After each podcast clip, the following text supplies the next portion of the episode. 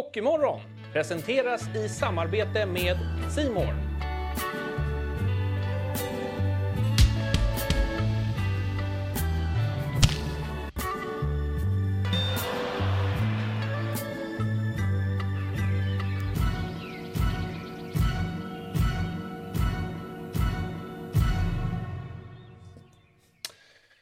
God morgon på er! Det är torsdag den 20 april. Jag heter Niklas Norlind och Johanna Lagus, du är med precis som vanligt. Jajamän. Vi ska snacka hockey drygt en timme. Först ska vi lyfta att det är polkagrisens dag idag. Ja men gött. Får man... Det är även svenska gin och tonic-dagen. Det skjuts brett idag på liksom temadagar-fronten. Eh, jag nämner ju våra namn då och då. Och det kan tyckas märkligt i och med att de flesta ju ser oss och väl förhoppningsvis känner igen oss vid det här laget. Men det är ju så att man kan även lyssna på oss på Spotify. Där kan man också se oss. Ja. Men det är det är primärt kanske om man vill lyssna liksom i poddform. Ja, man kan också välja bort våra ansikten där. Eh, Exakt, om ni, om ni har tröttnat på våra halvdana nunor så är Spotify ett lysande alternativ. Det är det vi landar i. Men Hockeymorgon.se är kanske det vi, vi helst ser att folk går in på. Ja. Ja. Men Spotify, jättebra alternativ. Så, då var det sagt. Eh, vi har två gäster med oss idag. Eh, det finns väldigt mycket att prata om eh, i, i Det kan man lugnt säga, Ja. Eh, den ena har bland annat tagit OS-silver som spelare. Därefter blivit legendarisk domare genom att exempelvis matchleda OS-finalen 2018. Och hon är nu en av dem som sitter i det mytomspunna SHL-situationsrummet. Välkommen hit, Katarina Timglas. Tack så mycket. Det finns mycket att grotta i där, alltså. Situationsrummet. Wow! Eh, vi har även med oss ordföranden för Hockeysupporterunionen eh, som nästan bo- bott på hockeyläktare under stora delar av sitt liv. Är idag till exempel klackledare. Och här finns mycket att diskutera kring publik, supporterfrågor och annat. Välkommen hit Robin Johansson. Tackar. Eh, mycket på dagens meny som ni märker. Vi ska bland annat ta liksom, situationsrummet från insidan. Vi ska snacka om hur svensk supporterkultur mår. Eh, och självklart ska vi även snacka upp SM-final 3 som spelas ikväll 19.30 i Växjö. Katta! Så jag har förstått att vi ska kalla det. Vi måste börja med efternamnet ändå. Timglas. Det är ju wow så det sjunger om det. Vi hade med en lejonklo Ja, igår det. på länk, men det här slår ju nästan det. Ja. Ja, men det gör det. Gör det. Var, var kommer det ifrån? Det är släkten. Ja, Pappas sida. Ja, okej. Men eh, det låter ju väldigt taget så att säga. Eh, vad jag har hört så fick han det från militären. Eh, det är okej. långt, långt, långt bak i tiden. Så att, eh, det har följt med därifrån. Ja. Men gud, undrar vad han gjorde då? Alltså, så här, var han Alltid i tid. Ja, det var... Eller var det så här, du behöver ett timglas, nu, nu är du sen. Ja, han- alltid i tid eller alltid sen. Ja, precis. Nå- något måste det vara. Antagligen något sånt. Så. Ja. Eh, du är nyss hemkommen från VM, Mm. som vi har snackat lite om här, eh, som var bort i Kanada. Vad gjorde du där? Då satt jag också, eh, fast de kallade VRC, Video Review Consultant. Okej. Mhm. Men samma sak som du gör för SHL här hemma har du varit iväg och gjort nu. Mm. Hur var det?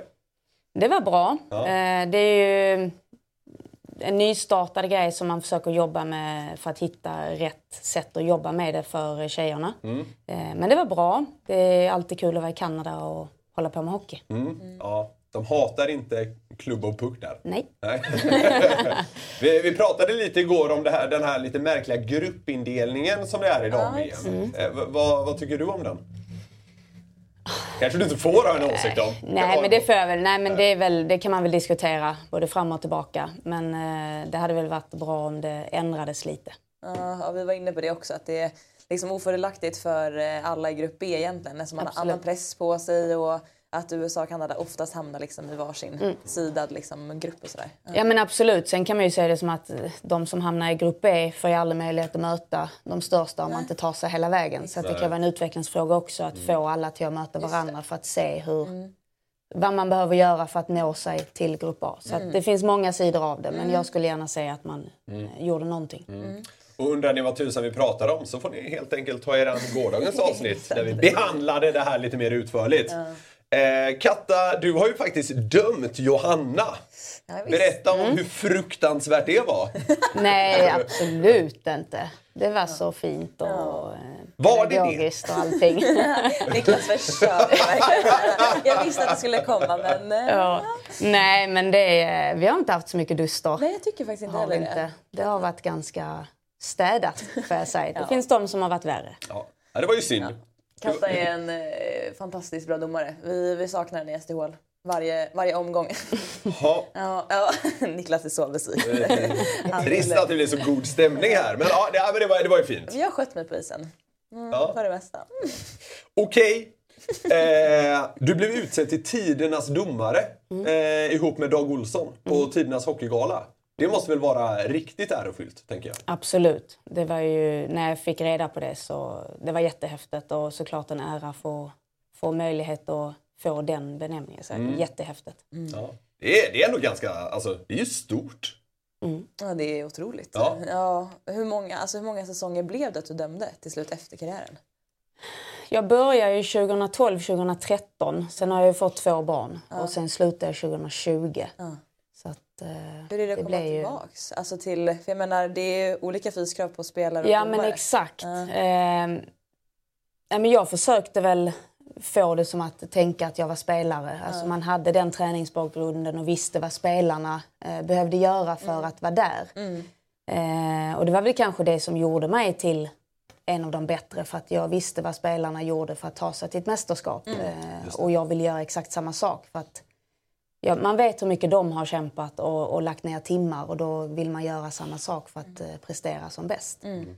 Ehm, Så att för min del var det inte jättestor skillnad när jag valde att eh, sadla och bli domare. Utan då, ja, det enda skillnaden är att man kan träna egna tider när man vill för att man tränar allting själv. Men annars så eh, tycker jag inte att det är någon skillnad. Jag tränar fortfarande sex dagar i veckan. Okej. Ja, så du har det liksom i dig. Det är inte det som är problemet. Nej. Men hur var det att liksom, eh, liksom komma tillbaka efter att du har fått barn? Ehm, vad var... Eh, första barnet, då, då var det en självklarhet. Eh, då tyckte inte jag att det, att det var någon större skillnad. Jag har en man där hemma som har stöttat alltid, även när jag spelade. Och det var ingen skillnad när jag valde att bli domare. Så där tyckte jag att det gick ganska bra. Jag kunde hålla igång länge under graviditeten. Eh, fick chansen att komma tillbaka snabbt när jag väl fick.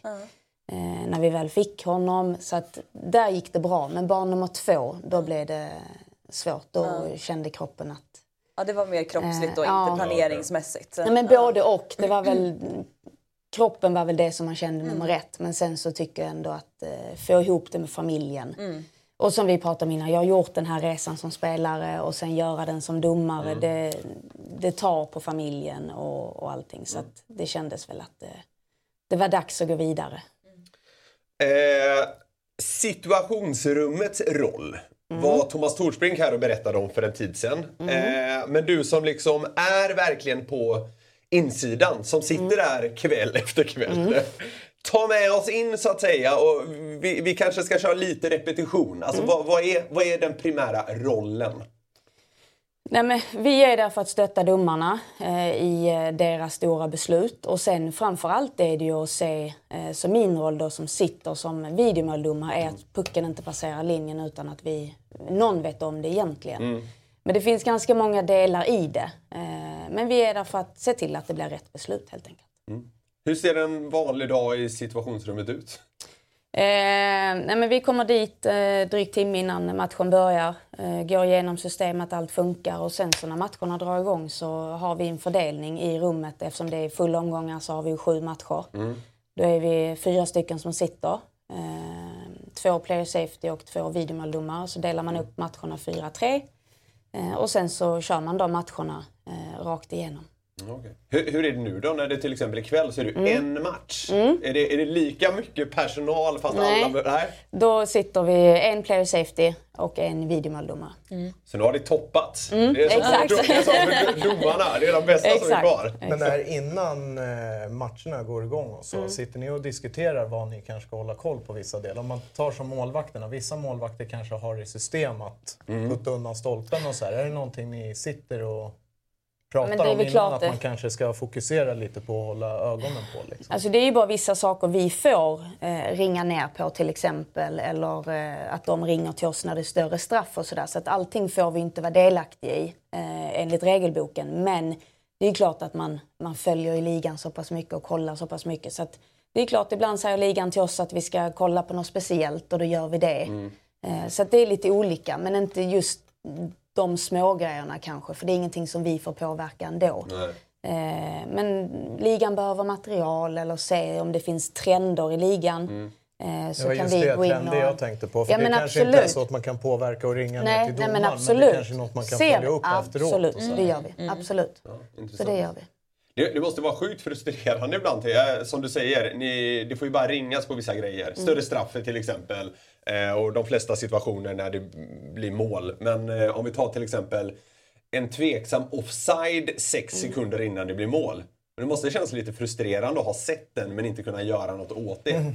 Absolut, och det är ju någonting som, eh, som det pratas om, just den här coacher challenge. Ja, exakt. Eh, och det har jag hört att ni har pratat om innan och det är ju någonting som, som det pratas om och som vi säkert kommer få in inom svensk hockey inom ganska snar framtid. För att just den situationen är så pass omtalad Mm. och det vet man ju själv som spelare. Och även som domare, det är ingen som vill missa den och så blir det mål. Så att, Jag eh, tänker mest på färskt i huvudet är ju den här handpassningen då. Djurgårdens... Eh, Krygers, Krygers eh, just det. Ja, för den är ju, det är ju liksom en utvisning i alla fall då, men mindre straff. Men sen får man bara kolla då på om han störde målvakten i målsituationen. va? Precis. Ja. Så det är väl en sån den- den- situation där det- man skulle kunna då ha en coaches challenge till exempel. Ja, antar det. Ja, Eller? du får ju ha det i, beroende på hur man gör, men om vi ser internationellt där de plockar det ifrån då så är det ju någonting som heter missed stoppage of play och då är det handpass och inte felaktig handstoppning Nej, utan det det. handpass. Ja, okej, Eh, ja. och sen är det hög klubba Mm. eh, under spelets gång, så inte när det kommer till ett Ja, mål utan ja, okej. under spelets, men då måste det ha skett i anfallszon. Ja. Eh, Men, men om vi tar Kryger-situationen. det- Om om man hade kört en coaches challenge på det, då hade det inte dömts bort. jag har inte sett den situationen så jag Han, vet han, han gör ju en... eh, ah, ska vi säga att den är felaktig då? En felaktig Ja, men han handstoppning. greppar- Till sig själv. Ja, Ja, kastar ja, den framåt exakt. Ja, till- och försöker till-. Nej. Nej. Nej. Eller nej, vadå? Nej, det, det hade inte- inte Ja, dömts då bort. blir det ju en två minuters utvisning. Ja, precis. Okej, men- och det det- kan du inte döma bort. Utan då är det Exakt. om du passar till, till en Exakt. medspelare i anfallszon. Så via coaches challenge hade det inte lösts. Så kan man säga. Inte så som jag vet eh, hur det nej. ser ut nu eller Nej. hur det ska bli Men framåt. det är bra, då, Ja, då har det vi är bara bra. fått ett Ja. exempel. Liksom. Ehm, hur, hur liksom går snacket med domarna? Vi säger att eh, ja, det är misstänkt eh, målvakt. Ja, man, man- är på målvakten lite Mm. mycket och de åker och ringer på det till exempel. Hur går liksom samtalet? Ja, men vi vill ju försöka eh, ha en diskussion där det är en ledande diskussion där vi ställer frågor. Eh, framförallt när de kommer ut och ringer vad de har sett på isen, hur de har upplevt det. Mm. Eh, och sen så berättar vi hur vi upplevt det och ställer ledande frågor för att kunna få fram rätt beslut. Okej. Eh, Så, att det är ni en ställer ganska ledande öppen- frågor utifrån typ, vad reglerna säger? Mm. Ja, okej. Exakt, och lite vad vi ser och så att vi vet att vi har sett samma sak. Eh, och har vi inte det så behöver vi prata om det. Okej. Så det är väldigt mycket frågor eh, fram och tillbaka. All right. Ja, okej. Eh, sen är det ju så att ni kan ju ringa också så att säga Mm. till domarna. exakt. hur, hur fungerar det? Men det är ju på målsituationer Mm. som vi gör. Och det är det ju om vi har sett målen, eh, pucken passera linjen och sådär. Och sen vissa då om det är spark eller högklubba och sådär. Men, Skott eh, in i ribban till exempel är ju en klassiker. Exakt, där ingen hinner reagera Ja. på, att den, på att den tar in och ribban. Då ringer vi ner och säger att vi har ett godkänt mål. Hur fan kunde ni inte se den? Exakt. Men alla de här skotten, när det är de här jättehårda skotten eh, och spelet spelar vidare, om man Mm. säger nu att det kan ha varit inne i ribba, sitter ni och kollar slow motion på alla de Absolut. Alla eller? situationer som... Alltså jag kollar allting när pucken kommer nära mål. Det kollar jag i stort sett. Jaha. Okej. Eh, Bara för att vara säker på att man inte har missat någonting. En vanlig plockräddning liksom. Uh, zoomas in lite grann i alla fall. Ja, okej, alltså ja. försöker i alla fall eh, ha som eh, bakhuvudet att kolla när pucken kommer nära så vill man ha koll på var den tar vägen. Ja. Eh, för det är oftast de uppenbara man tycker att den tog i stolpen och så tog den i mittstolpen istället. Ja, just Så att eh, man försöker kolla allt just för att vi inte ska missa de situationerna. Det blir så märklig stämning när ja, men det är ett skott och så till en spelare halvjublar. Ja. Och så, så här, spelet går ändå vidare. Man, man känner ändå på sig att så här, alla tänker att det kanske är Ja. mål. Ja, exakt. det blir så himla märkliga de här 33 sekunderna man spelar vidare. Ja, verkligen. Och där, skulle det ha varit mål så, så ringer vi ner innan de 33 sekunderna. Ja. Ehm, så att oftast är det så, har det inte skett någonting innan spelet stoppas så, så är det ingen mål. Nej. Det är otroligt märkligt när det blir då under det här fortsatta spelet om det andra laget gör mål. Mm. Jag tror det var en sån situation förra säsongen. Det vill vi undvika. Ja, det är det. Ja, det är så Men vad himla fan hände konstigt. då? då Nej, men då- Då båda? ryker det Nej, vid andra nej, målet. Utan det första målet. Ja, det... Ja. Okej. Eh, För då har ju pucken varit över linjen. Ja, så då... Och spelet efter har ju så att det inte hänt. Exakt. Fan. Ja, den är inte rolig. Så den vill man inte Har det hänt någon gång? Alltså i nutid? Jag vet att det var en jättemärklig situation mellan Frölunda och Örebro. Eh, jag kommer inte ihåg då om det var att det blev en utvisning under, sitt, alltså under, under det efterföljande spelet. Eller om det var typ så här att det var nära mål eller något. Men då ringde man ju på den första situationen. Mm. Men Örebro trodde ju att man ringde på den andra situationen. Mm. Ja, så det blev en himla märklig situation. Så sånt kan ju uppstå. Absolut. Eh, vi- vilka förberedelser krävs innan match? Ni, pratar ni med domarna till exempel innan eller är det bara att kolla så att tekniken är i ordning? Ja men exakt, vi pratar inte med domarna. Däremot så eh, är det lite skillnad på vad jag gör och kanske vad Christer Lärken gör som ansvarar över rummet. Men Okej. vi stämmer ju av med alla arenorna att vi har kontakt innan match. Mm. Eh, och sen så eh, när pucken släppt så är vi redo. Så det är ingen dialog med domarna innan match eller Okej. sådär. Det är det inte. Hur ser det ut där inne? Det osar, alltså, eh, ja, men bilden man har är att det är mörkt och liksom osar källare. Och så att det bara är så här ljus från några skärmar. Ja men exakt. Nej, inte riktigt. Är inte Eh, vi så. sitter ju Synd. med eh, producenterna för eh, Simor. Ja, det Eh, är så vi samma. sitter tillsammans med dem. Mm. Ah, Okej, okej. Just det. Ja. Har, ni bra, har ni bra fika? Får ni fruktkorgar och sånt där? Jag tänker att man måste ju fylla på. Jag håller fokus så länge. Ja men exakt. Nej men det är väl eh, lite olika hur vi gör där. Men det är ingenting som är standard. Ingen kolhydratsladdning innan alltså. Nej. Jag fick en annan fråga i huvudet. När, när det här situationsrummet har eh, kommit till, eller vad man ska säga, har man slutat med eh, måldomarna i arenorna helt och Mm. Exakt. hållet då? Gäller det också för Hockeyallsvenskan? Man slipper det. Mm. Den klassiska bilden på han som stod i Frölundaborg så när Per Ledin gick loss. Exakt. Ja. Gillar man ändå. Ja. Ja, jag tror att det är ett stort framsteg med tanke på att jag vet ju som i Södertälje var det ju en Södertälje-supporter i grunden som själv satt där. Det är lite märkliga Ja, situationer. ja, så var det flera arenor. Det är oerhört märkligt. Säkert alla liksom. Ja, ja, ja. Mm. Någon eldsjäl som bara, jag kan hjälpa Exakt. till med det här. Exakt. Som inte förstår hur viktigt det är. Går i pension imorgon, har jag inget att förlora längre. Äh, Solklart mål! Exakt. Ja. Eh, händer det att tekniken strular? Absolut. Det måste vara Det- jobbigt, tänker jag. Absolut. Det är, ibland är det ju så att kamerorna slocknar. Eller det är väldigt, väldigt sällan. Ja. Men det är klart att det händer. Ja. Och det är precis då en situation uppstår. Eh, Som tur var har vi inte haft det så länge jag har suttit i alla fall. Men eh, det är klart, det är teknik vi jobbar med. Vad gör man då? då? Har ni någon så här, liksom, eh, actionplan om det är så att tekniken skulle strula? Ja men absolut, det finns ju folk på plats eh, i Ja, är så. huset. Och, och sen så har vi ju bussarna ute på plats också. Så det finns ju jättemycket. Alltså, det löser sig väldigt snabbt om det har varit något. Det är ett tätt samarbete med Simon låter det. Ah. Absolut. eh, Vilka situationer är svårast att bedöma, tycker du? Jag skulle säga hög klubba.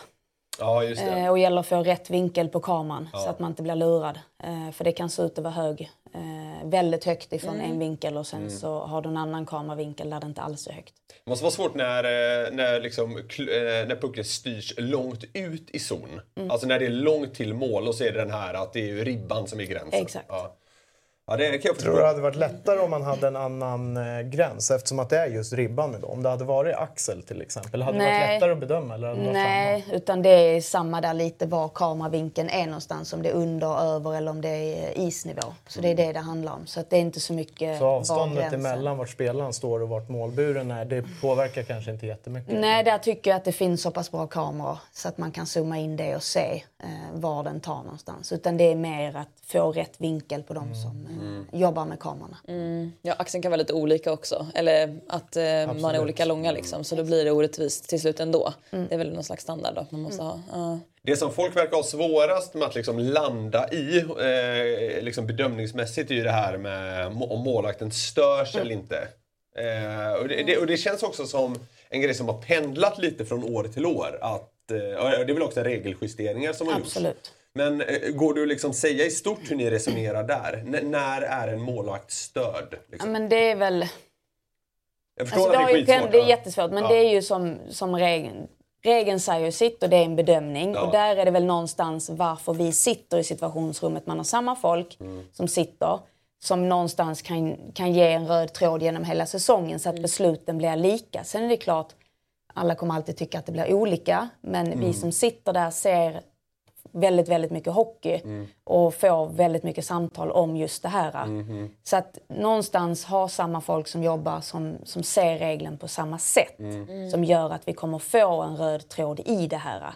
Eh, Det är egentligen det svaret jag kan ge Ja, eh, eh, kring den Ja, situationen. ja. Eh, En annan grej är det här med inconclusive som Mm. ju väger ganska tungt eller vad man ska säga. Och vi hade en situation ganska nyligen, det var ju finalmatch två uppe i Skellefteå där Emil Larmi, Växjömålvakten, slänger sig Mm. och räddar med plocken på vad som ser ut som mållinjen, Mm. typ. En del av plocken verkar till och med vara över mållinjen. Men, men där, eh, ja, förklara lite hur ni re resonerar kring en sån situation. När man kan, man kan gissa att pucken är Mm. över mållinjen, men man kan inte se det. Då kan jag säga enkelt, vi gissar inte inom svensk hockey. Nej, exakt. Där la vi upp den. Nej Ja. men lite så är det, vi behöver se att pucken är inne. Ja, och då blir det väl det som kallas inconclusive. Mm. Precis. Så då går det inte att döma mål, även om man kan, eh, ja, som du är inne på, gissa ja, att pucken är inne.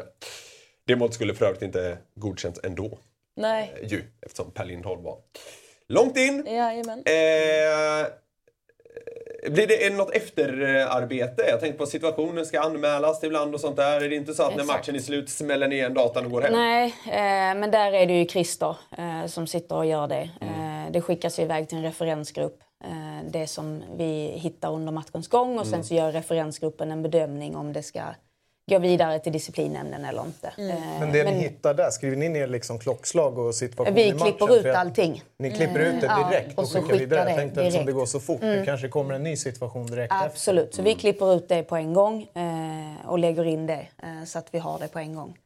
Och sen så skickas det vidare till referensgruppen Mm. samma dag eller kväll.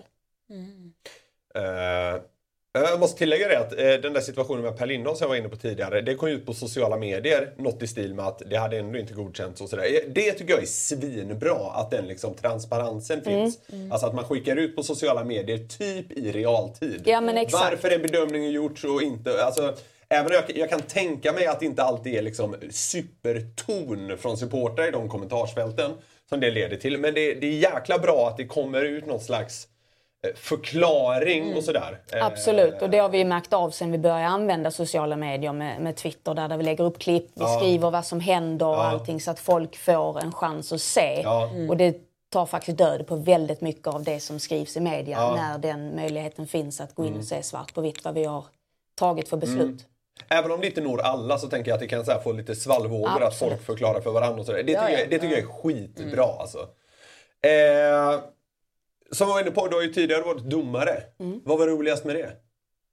Man får ju mest skit. Eh, men exakt, nej men det är väl utmaningen. Eh, det är ju en utmaning att man eh, i stort sett aldrig gör rätt vad man än gör eftersom det är två lag som, som är där ute. Men det är väl egentligen det skulle jag säga, just den här eh, utmaningen eh, som finns i det.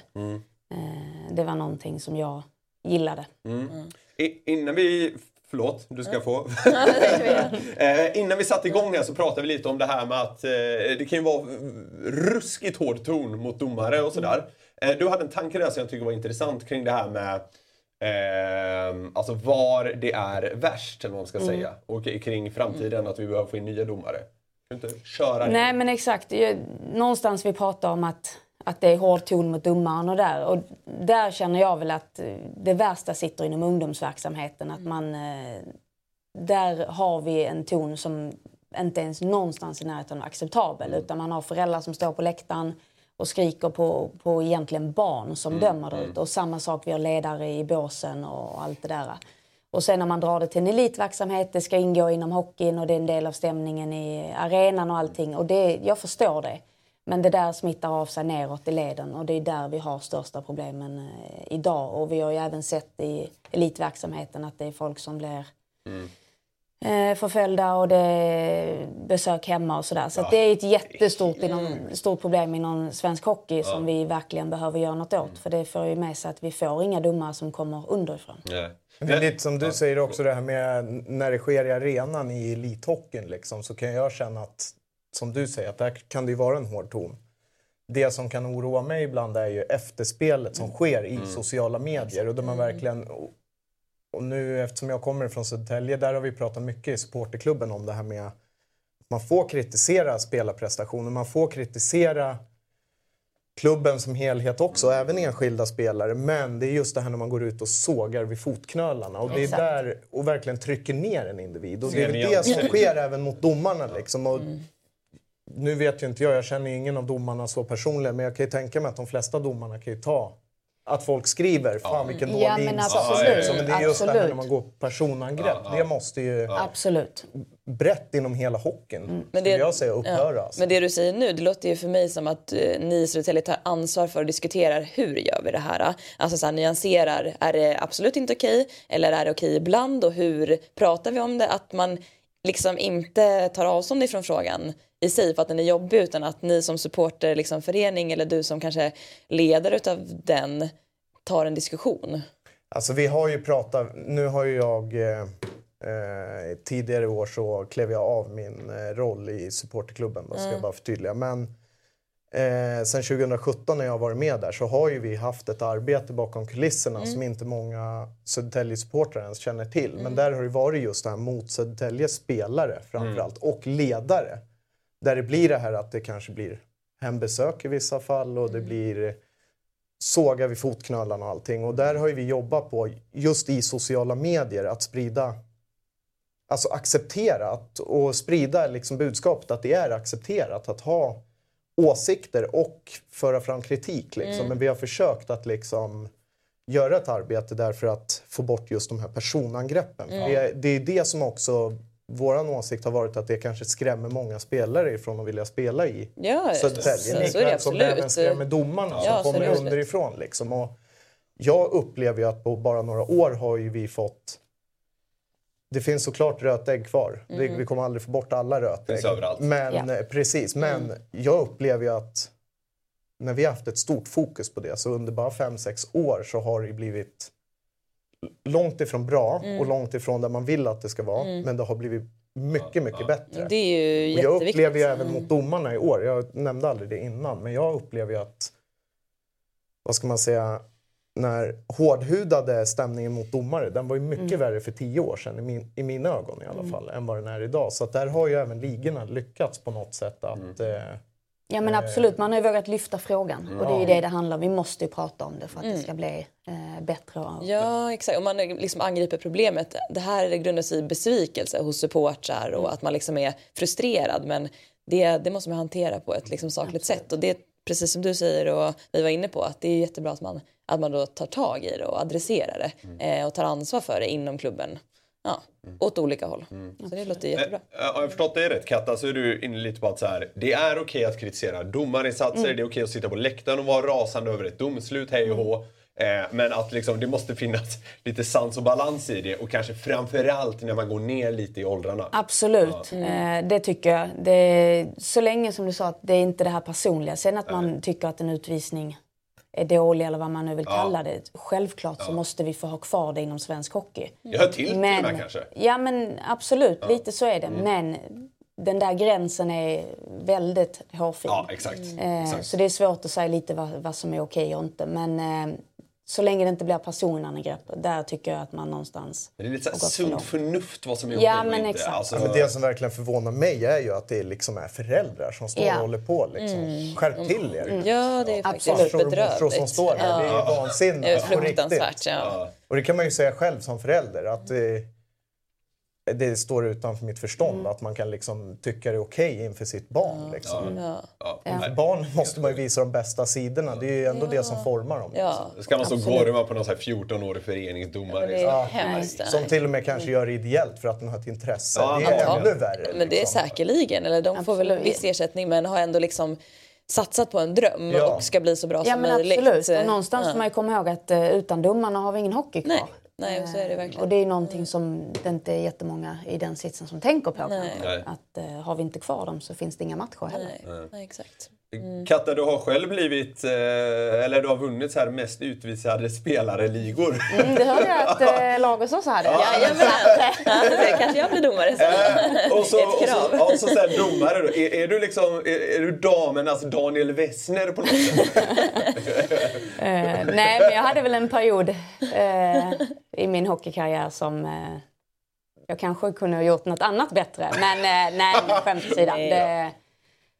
Ja, men Det det har väl varit den, någon gång krocken, den kanske. kro, krocken, det kanske inte ens är en krock, men jag tycker det, det är en lite rolig kontrast i alla fall. ja, men absolut. Men det ser vi ju bland många domare eh, som har valt och, som har haft en elitkarriär som har valt att gå vidare som domare. Att det, det finns något i det. Eh, och ja, det är väl... Det enkla svaret det är väl kanske att ja, jag tyckte att alla var så fruktansvärt dåliga. Så hur svårt kan det Jag vara? jag måste gå in och det är lösa det någonstans- själv. Ja, men lite så. Och det är väl, och det är väl kanske där många hamnar. Att, eh, det, Varje utvisning var ju felaktig på dig. Såklart. Ja, så jag Absolut. Ja, ju det är fantastiskt det där. Eh, Robin, berätta lite om Hockeysupporterunionen som du är högst involverad inom. Ja, det började väl eh, någonstans... Eh, jag är ju då en av initiativtagarna och grundarna i det här. Och det började ju för några år sedan när eh, vi i Södertälje gjorde ett utspel angående antalet lördagsmatcher mellan Hockeyallsvenskan och SHL. Hur obalansen såg ut att när jag satte ihop statistiken så var det ju 151 lördagsmatcher. Eh, resbara lördagsmatcher ska tilläggas i SHL medan i Hockeyallsvenskan fanns det ju, jag kommer inte ihåg exakt, men 17-20 stycken. Och det är för hela ligan. Det är inte ens två per klubb och då, ja, eh, många av klubbarna kommer kanske få den som hemmamatch. Och eh, jag ser ju, eller såg då också väldigt tydligt att det inte bara i Södertälje var problem med återväxten utan det var ju på bredden. Ja. Och eh, sen eh, hände det ju massa grejer där som gjorde att supportrarna samlades ju på eh, sociala medier i en eh, sluten grupp då och då var det ju framförallt tifo-grupper och officiella supporterföreningar och så då. Eh, där vi gjorde gemensamma aktioner. Och det vart ju lite spretigt åsiktsmässigt där. Det är ju svårt att göra namninsamling liksom på vilka som ställer sig bakom någonting. Och då hade jag väldigt mycket kontakt med eh, Viktor i Järnkaminerna. Då. Så jag och min ordförande i supporterklubben, Mikaela, då, vi var ju kanske efter ett halvår efter den här gruppen och efter vi hade samlat alla de här organisationerna så var vi och snackade med Viktor och Joel tror jag han hette i Järnkaminerna och bara pratade löst. Vad kan vi göra för att det här faktiskt ska funka på sikt? För att slippa spretigheten i allas åsikter. För som på support, enskild personnivå och då organisationsnivå blir det ju att alla kommer ju aldrig tycka samma. Liksom.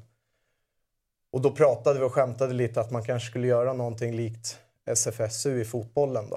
Eh, men sen var det väl inte så mycket mer prat om det. Sen kom det några till situationer då, då och nästa spelschema som lades så var det ju ja, SSK fick en bortamatch på en lördag nere i Kristianstad liksom. Och då, jag tyckte det var kul när du sa det här med att eh, hur svårt ska det vara? Och så ger man sig in i det. Jag brukar leva efter mottot att den som ser problem äger problemet. Så jag satte mig ner och tänkte nu ska vi dra igång det här. Då.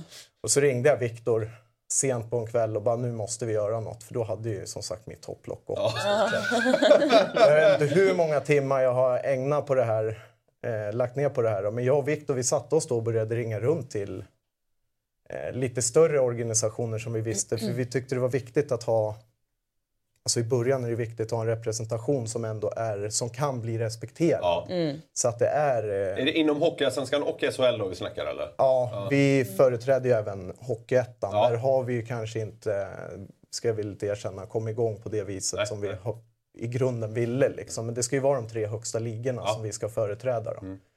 Sen var det att sätta sig ner och göra planen. Hur vill vi göra? Ska vi ha en eh, liksom geografisk spridning på representanter i styrelsen? Ska vi ha det där? Hur ska vi forma stadgar? Det var ju gigantiskt arbete alltså. mm.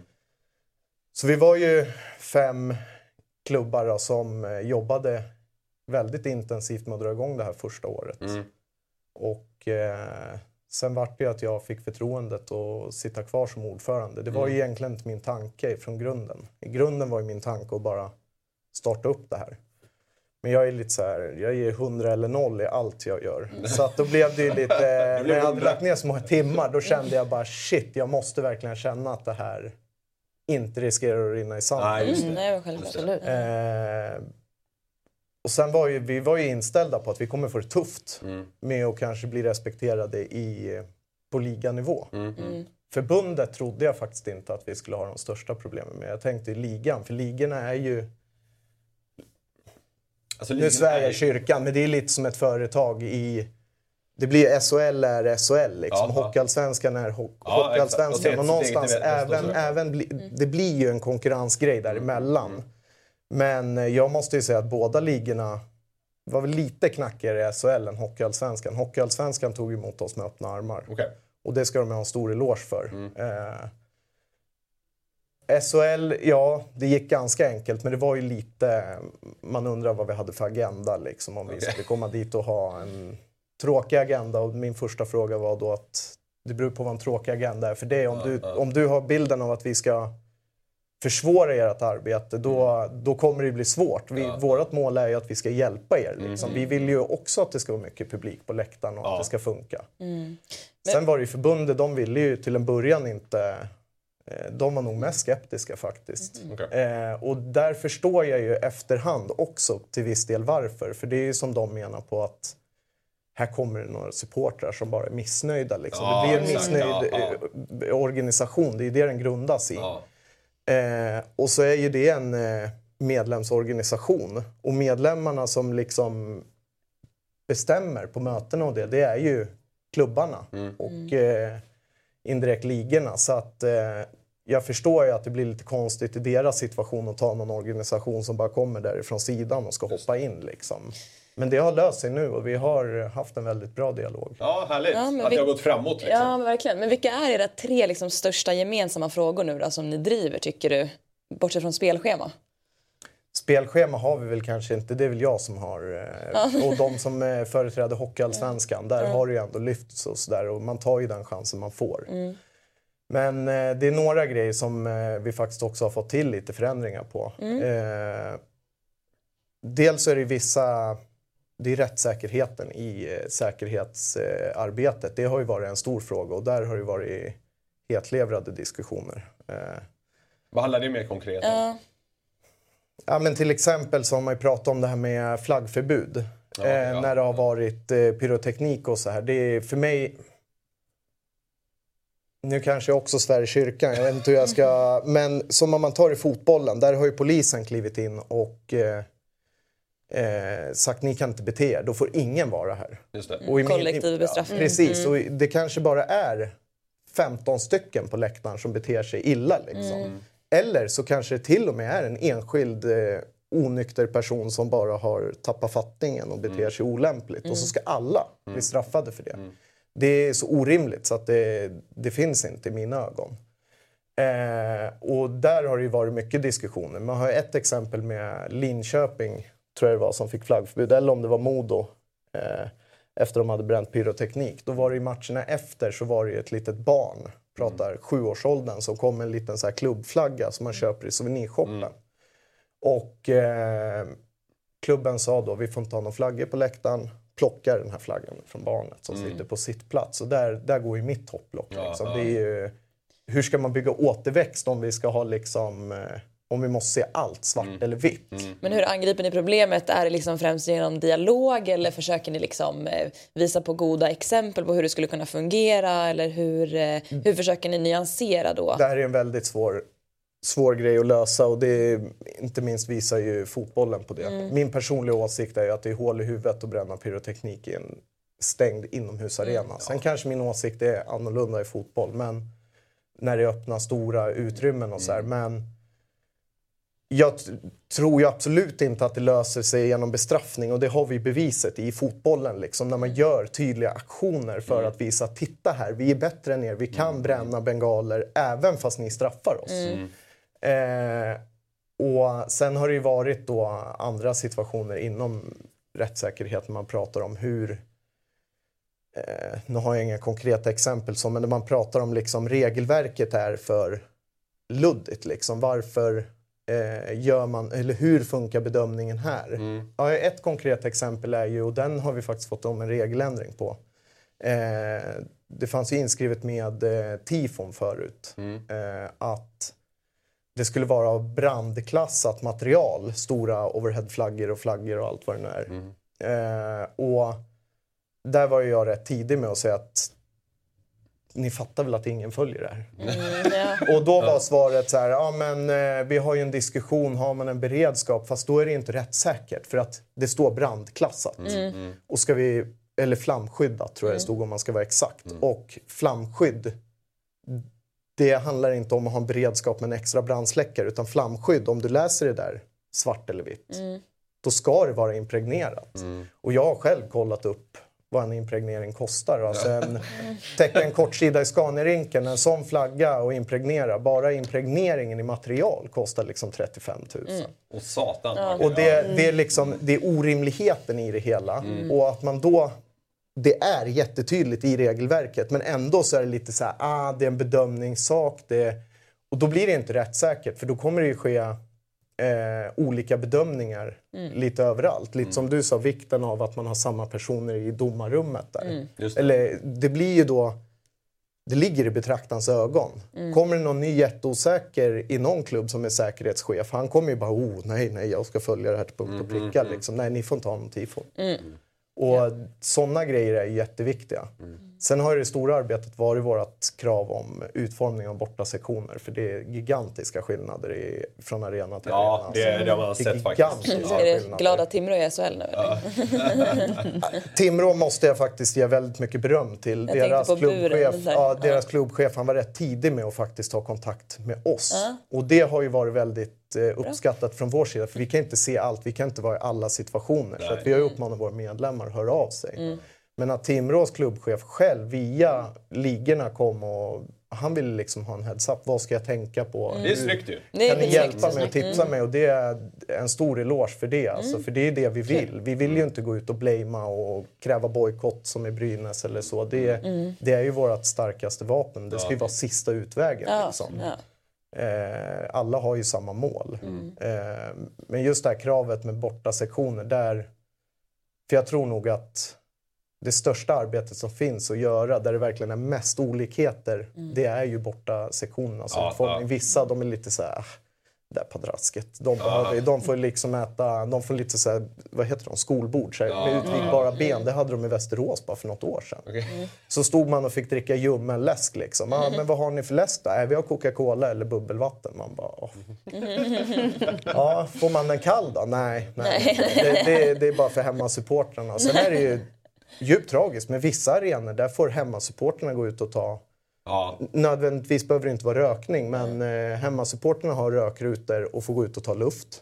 Om vi utgår ifrån det då. Men borta supportrarna de får inte. Nej. Och det är också så här, bara, Ja, men den typen av frågor som man ja typ det så här är det som är det eh, viktigaste. Sånt som liksom. fortsätter år efter år om ingen Absolut. ifrågasätter det kanske då, men att man ser till supportrarnas bästa Absolut. kring matcher och Ja, men det är också ett sätt att få folk till, till matcherna. Det är att man vill som bortasupporter kunna gå dit och se bra hockey och kunna Exakt. egentligen röra sig i arenan. Ja. Sen så finns det ju en säkerhet i det, men att man i alla fall ska få gå ut och få ta luft eller gå och köpa en kall dricka eller vad det än är, så är det ju någonting vi Sen måste ha. är det intressant svensk det du säger också. För det är, alltså, om jag kollar på alla bussresor jag har varit på. De här 13-14-åringarna som är på väg in i supporterskapet. De kanske går två hemmamatcher per säsong. Man ser dem, de blir meddragna av någon kompis eller så här. Men så åker de med på en bussresa på en bortamatch. Sen går de på varenda hemmamatch. Ja, det. Så det, det blir ju en speciell gemenskap när man åker i de här supportbussarna till bortaarenorna. Det är där man verkligen knyter de här, där de känner fan jag är en del av det här. Det här är några som skiter i hur jag ser ut eller vem jag är. Vi är bästa vänner ändå. Liksom. På samma Och, och det är där man knyter verkligen på djupet de Ja, flesta ja. supportrar skulle jag säga. Och därför är det ju också ännu viktigare att man inte känner sig som pesten när man kommer någonstans. Alltså. Och, och tanken, även om det blir... Ja, alltså det kanske inte kan bli samma gemenskap som inom en specifik klubb, men tanken är väl lite att den här unionen ni har bildat, att den ska vara liksom lite så här att de flesta hockeysupportrarna ska kunna samlas under det och att ni ska företräda eh, dem gentemot ligorna. Absolut. Ja, precis. Jättebra.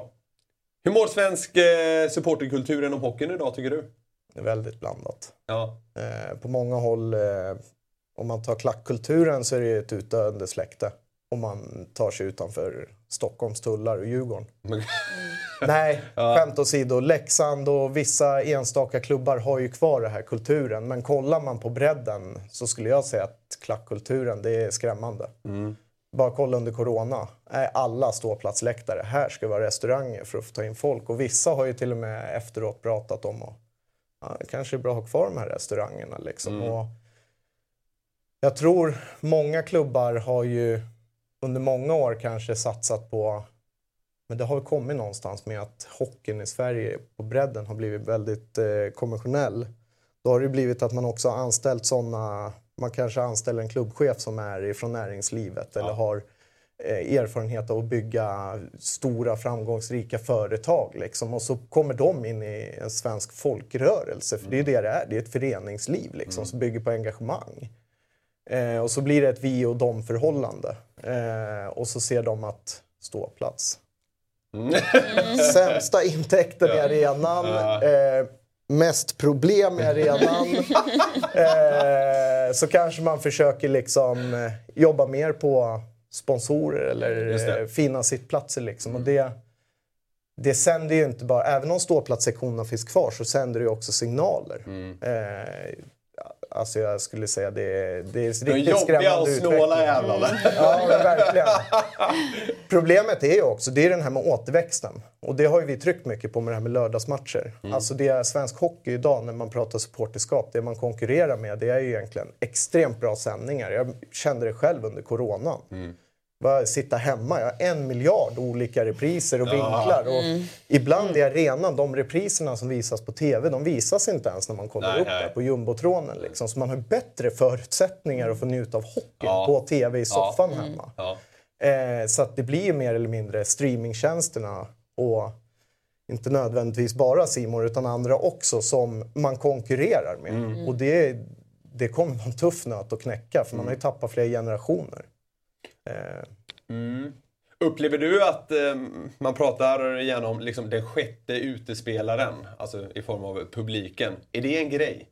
Alltså det har väl börjat, det har, jag tycker att det har ju börjat mer och mer att prata, speciellt när man närmar sig slutspel och så här, så är det ju viktigt.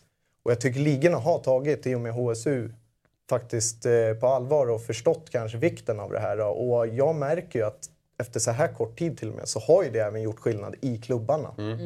För de får ju då budskapet från någon de litar på. Man märker ju fler och fler klubbar har ju börjat inför matcher pusha om hur viktigt det är med den sjätte spelaren och så. Så att det är klart att det pratas om. Eh, sen vet jag inte hur mycket det behöver pratas. Det är ju bara att gå på en, som nu i finalserien, det är bara att gå på en match och njuta av stämningen egentligen. Ja. Lär bli rätt okej tryck på eh, Hovet fredag-söndag här. Det lär det ju kunna bli. det där tyckte jag var intressant. Hur är det som domare att komma ut om det är Eh, jag vet, jag var ju på ett av derbyna i början på det. Hur, Att komma ut till den extrema stämningen. Nej, Alltså- men jag tror det är, det är nu ingen större skillnad som mot för spelarna. Det är ju såklart att man, man dras ju med och man känner av det. Eh, sen så många pratar om det här med att man påverkas och inte påverkas. Det är, där är ju man elitidrottare. Som, som vem som helst. Eh, men det är klart att vi Men vill kan det inte bli lite omedvetet att man kanske släpper en grej? Man vill, man vill kanske bidra lite mera till... Eh, Nej. eller att man kanske vill undvika den där så rasar samman. Det går liksom. inte att lura in dig i någon Nej, det, det skulle jag inte säga. Men är, vi eh, njuter ju lika mycket som alla andra Ja. av att det är tryck på läktarna såklart. Ja, ja, men man kan ju njuta och göra sitt jobb samtidigt. Liksom. Alltså, det, är så här, Absolut. Det, det gör man ju och det är väl säkert, det är klart att det är roligare att spela inför den typen av, Mm. eller döma, eh, publik. Men Ja, sen måste man ju ändå göra sitt bästa. Jag upplever också att så här, eh, bra hemmatryck, att det kan bli lite av en börda. Nu låter jag negativ här, men eh, ponera att Björklöven skulle gå upp i en eh, 2-0-ledning i, imorgon till exempel. Att det då nästan kan bli en ökad press på Djurgården för att man känner att så här, fan, vi vill ju inte förstöra den här festen. Vad tror ni om det? Ja, eller framförallt är om man har en publik som är så jäkla ihärdig Mm. alltså, och det inte går hål. Att de sen så då går ner lite i sin ton. Att man Mm. känner bara okej, fan är vi dåliga nu? Eller, eller vad händer? Varför hejar de inte lika mycket som i början av matchen? Om det, om det skulle Det där har skifta? jag märkt väldigt tydligt i eh, då Södertälje. För vi har, ju, vi har ju stora, stora problem med återväxten. Och vi har ju till och med fått spärra av delar av vår hemmastå för att komprimera. Ja, Vi har gjort mycket för att testa hur kan vi göra för att få det här bäst. Ja. Och de matcherna när vi har haft mycket folk, men som jag brukar kalla det, det är mycket turister på, på i, eh, sektionen. Och så står folk så här, kom igen, kom igen. Eh, det blir ju någonstans, och det hör man ju, på avstånd hör man ju det på själva stämningen också, att alla kanske inte vrålar och skriker. Nej. Det blir den här trötta tonläget. Och det märker man ju när eh, publiken växlar upp och det verkligen blir det här ah, Då märker man ju att spelarna faktiskt också Ja, exakt. växlar upp. Ja, Det blir herregud, ja. Ja, det blir adrenalinpåslag liksom. Så jag tror ju att det är väldigt viktigt. Sen vet ju inte, ja, just de här matcherna, derbymatcherna, och det, är ju väldigt speciellt liksom. Det är ju inte många i, Sverige som erbjuder den stämningen liksom. Det, i, i, igår pratade vi lite om det så här kommersiella runt, eh, runt hockeyn. Att det ju eh, trots allt är en ganska viktig del att pengar kommer in helt enkelt. Så man kan bygga starka lag och så vidare. Eh, du som är väldigt involverad i liksom, eh, ja, ståplats till exempel. och så där. Hur tänker du kring den balansgången? Att så här, det kanske behövs någon familjematch och lite jippo, eller vad man nu vill kalla det, för att liksom attrahera en viss publik. Men sen ska man samtidigt värna om supporterkulturen och klacksektionen och sådär. Hur resonerar du kring liksom den balansgången som klubbarna kanske måste ha? Eller du tycker kanske inte att det är någon balansgång? det finns ingen balansgång i den Nej. frågan.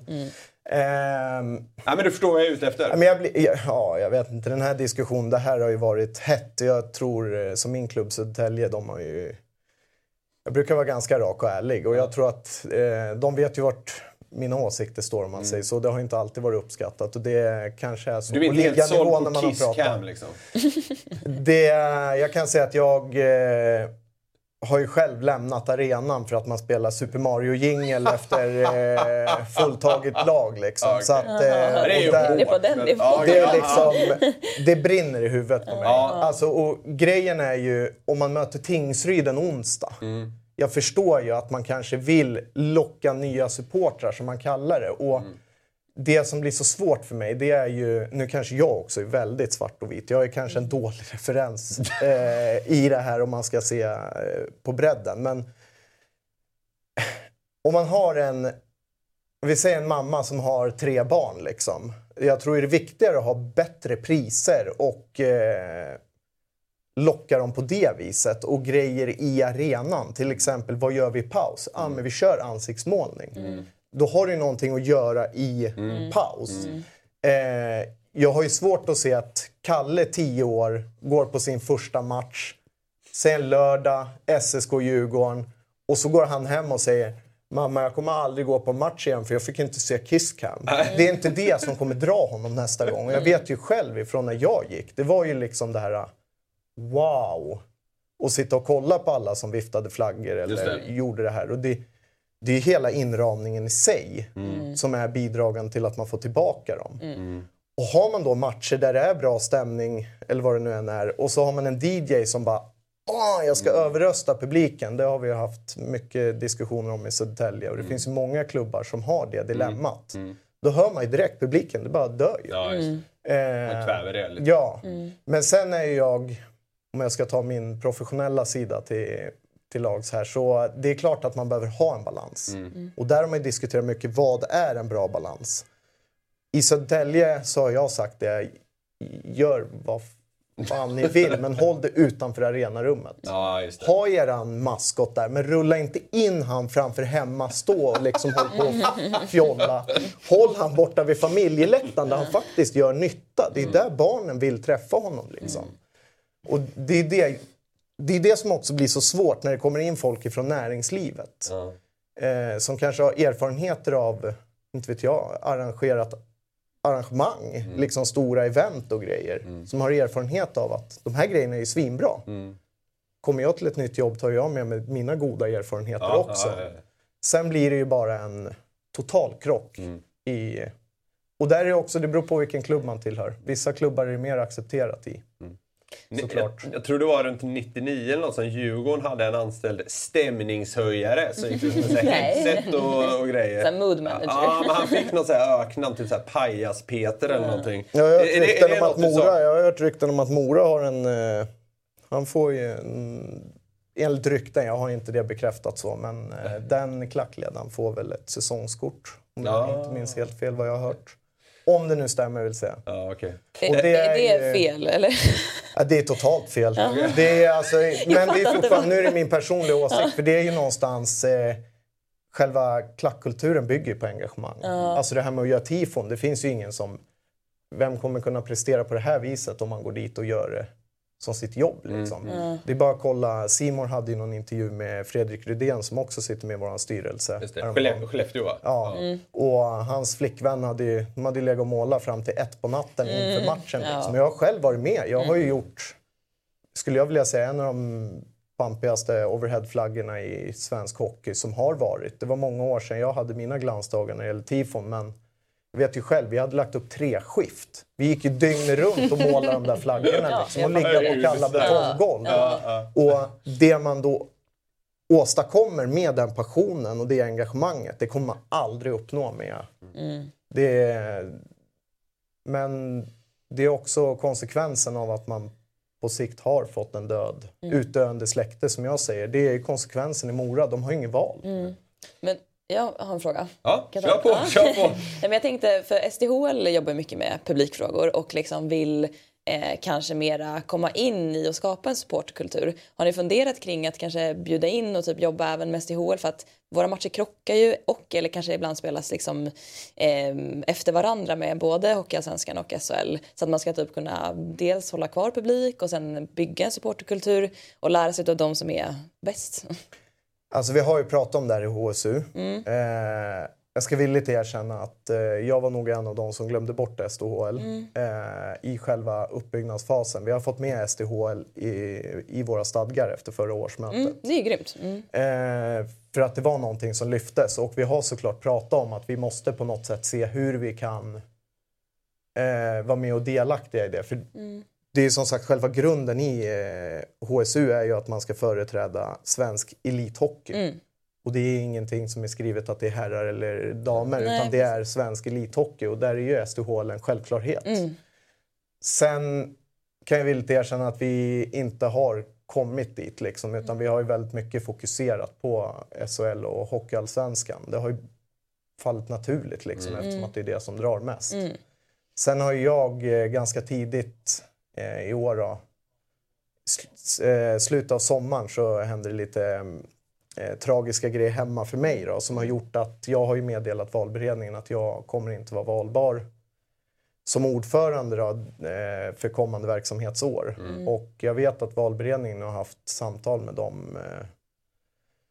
Ja, det är två stycken nya som framförallt ska in. Man behöver ju ersätta. Fredrik Rydén har ju också sagt att han kommer vara valbar. Så att det ska ju in en sekreterare och en ordförande. Liksom. Det är de två svåraste posterna att täcka. Och där är min förhoppning att de också har det breda perspektivet. Just det. Den kandidaten som kommer föreslå sig är uppifrån Norrland och i Norrland andas det hockey. Så jag tror ju att de har mycket mera närkontakt med eh, damhockeyn än vad jag personligen har faktiskt. Så jag hoppas ju att det... Ja, men det är jättekul att du säger det och att liksom man i alla fall åtminstone börjar prata om det för att det är ju, tillväxtproblemet blir ju både liksom på herr och damsidan och supporterkulturen liksom överlag och jag tror man blir starka tillsammans liksom så Absolut. för många av klubbarna delar ju också liksom eh, dam och herrverksamhet eh, som ni eller som man företräder så att man liksom får någon slags gemenskap kring klubbmärket eh, och båda lagen och det, där tror jag ni har en jättestor roll att spela så det, det känns kul att ni, ni har det på agendan. Skitbra. Mm. Eh, du är klackledare i Södertälje ju. Ja. Och varit det väldigt länge. Stått med ryggen mot isen i så- sådär 10-15 år någonting va? Ja, de matcherna man väl har gått på och står där så står man ju oftast med ryggen. Ja. Eh, Hur, alltså, hur är det? Det måste ju vara märkligt. Du kan ju liksom inte uppleva så mycket av själva hockeyn. Finns väl repriser. Tittar, du på, tittar du på matchen när du kommer hem sen? Nej, det är väl eh, bara de där det är bra stämning. Alltså, jag Det brukar ju måste vara det. svårt att skrika på en utvisning när man inte ser den om du förstår vad jag menar. Nej, men Dra dra det- igång en ramsa mitt- dra igång en ramsa mitt under ett friläge. Men där är det ju skitdåligt nu att man har slutat sända repriser på tveksamma situationer. För jag får ju ingen chans längre att se vad som händer. Men eh, jag brukar säga det, alltså jag, jag, jag andas ju supporterkultur. Ja. Det är det. Min passion är ju verkligen som jag berättade innan, jag hatar fotboll. Det är det värsta jag vet. Eh, Jag förstår inte logiken med att springa och jaga den där bollen 90 minuter och inte ens få se... Man får knappt röra varandra liksom. Eh, men jag går ju själv på fotboll ibland, bara för att se atmosfären. Och det är samma med hockey. Alltså jag har inga problem att gå Djurgården-AIK, Djurgården-Leksand i Hovet. Eller som nu, jag har faktiskt kollat på om jag kan få loss biljetter i finalserien i Hovet. Helt ointresserad av hockeyn just där på de matcherna. Sen är det klart när Södertälje spelar att det är intressant. Man vänder sig om då och då liksom när man hör, man hör ju och ser på Vad publiken. står det? Ja, det är, ibland när jag kommer hem och folk frågar vad slutar matchen, då får man ju stå och fundera. Man har ju knappt en aning. det är så. men men det, för mig är det just det här med supportkulturen. Det är Ja. det som är min passion. Det och därför blir det ju liksom så eh, självklart för mig. Sen är det ju, man ser ju på folk nu och då vänder man ju sig om och kollar Ja. lite grann så man får ju se frilägen. Ja, ofta. Nej, du ser det bästa Man utav får det se bästa. i ögonvrån i alla fall. Blir bra på att läsa av folk. Ja, just kanske. Exakt. Det, det, det måste ha varit många gånger när du så att säga knappt vet att det är en målchans och du bara kommer ett mål från så till exempel. Ja, det händer oftare Ja. än man får se målen faktiskt. Ja, exakt. När man väl står där. Nu senaste åren har vi varit flera som delar på pallen, så nu så här mycket hockey har man inte sett de tidigare åren. Ja. Men alltså hur, eh, för jag tänker, alla klackledare har sån otrolig liksom, så energi. Hur trött är du efter en match? Alltså jag kan tänka mig att det är sjukt jobbigt att stå där, alltså rent Ja, fysiskt.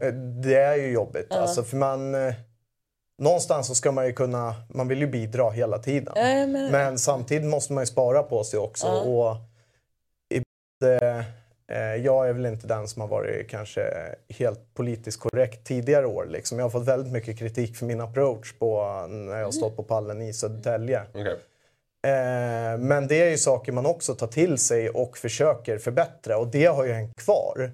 Men ibland så tappar man fortfarande fattningen och man ser folk som jag beskrev förut står som dönickar. De allra enklaste ramsorna när vi har det är en otroligt viktig match. Eh, det är ganska jämnt i spelet och man känner själv vi måste upp. För att man vet ju, man har ju sett själv de här tempoökningarna på spelarna. Då, då jobbar man med hela kroppen. Då blir man ju trött alltså. Mm, det är ju så. Ibland kan man ju vara helt slut alltså, när Ja. man kommer hem.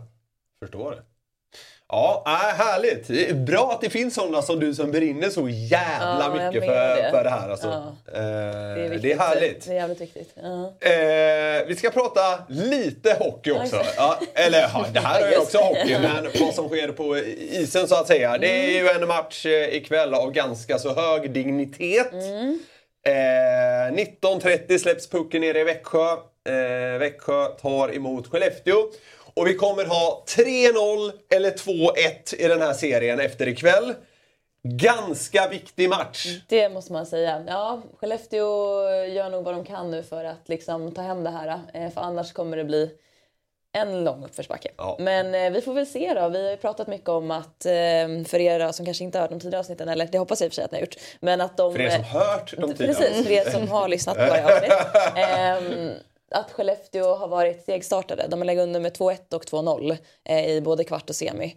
Eh, och att vi har någon slags teori om att de eh, sakta men säkert läser av sitt motstånd och sen eh, match efter match liksom då kan faktiskt ehm, eh, spela någon ny typ av hockey för att verkligen stänga ner det motståndet som står framför dem just den här matchen. Så det ska bli intressant att se hur de kommer ut nu för Växjö har ju haft ett otroligt tajt försvar. Ja, så de har inte kommit in på målvakten Skellefteå, behöver. Skellefteå behöver hitta någonting för att liksom få loss den här kvävningssituationen Ja, som nästan är just nu. Ja. Eh, så det blir, ja, det blir intressant att se om de klarar av det. Växjö är ju eh, liksom ramstarka på något sätt. Väldigt. De är något annat än Rögle och eh, Örebro. Eh, ja, vi får se. Vi har ju berört den här matchserien väldigt, väldigt mycket tidigare. Eh, så jag tror faktiskt inte vi har sådär himla mycket mer att eh, snacka om här. Vi uppmärksammar att den är ikväll 19.30. Och imorgon, precis. imorgon blir det mer snack om det. Ja, Så enkelt är det. Imorgon så kommer vi prata mer om den här matchserien och då finns det dessutom en final i Hockeyallsvenskan att snacka upp. Eh, Robin och Katta, tack för att ni kom hit idag. Tack själv för att vi fick Eh, komma. ja, det var förbannat intressant och trevligt. Eh, innan ni loggar ut så att säga så, så är det ju en tävling som går i mål idag. Eh, man kan vinna lite schyssta grejer som matchbiljetter till nästa säsong, eh, en signerad matchtröja från ert favoritlag eller puckar från säsongen signerat Ja. av ens favoritlag. Och det man ska göra då för att vara med i den här utlottningen är först och främst att prenumerera på Hockeymorgon på Youtube. Sen så letar man upp det här Instagram-inlägget från SHL. Jag tror det är från sådär sex dagar sedan eller någonting, men det, det är lätt funnet. Eh, och det kommenterar man då med vilket som är ens favoritlag och med sitt Youtube namn helt enkelt. Ganska enkelt och då är man med i utlottningen av de här eh, rätt härliga priserna. Eh, 16.00 idag stänger den här tävlingen och imorgon så kommer vi medla vinnarna här i eh, programmet. Ja. Imorgon kommer vi också eh, ha en sån här härlig eh, dragning i studion angående vilka som besegrat dig. Just det. I det här spelet som finns på hockeymorgon.se. Så eh, kika in det också, se om ni kan slå Johanna. Eh, då kan ni vinna fina priser även där. Satan vi håller på att dela ut priser högt och lågt. Det är generöst humör den här veckan verkar det som. Eh, tack för att ni har tittat idag. Imorgon är vi tillbaka som vanligt. Hockeymorgon.se är det som gäller. Eller Spotify om man är sugen på det. Eh, 08.00, ni vet hur det är. Ha en himla härlig torsdag så ses vi igen imorgon bitti. Ha det gott. Hej! Hockeymorgon presenteras i samarbete med Simor.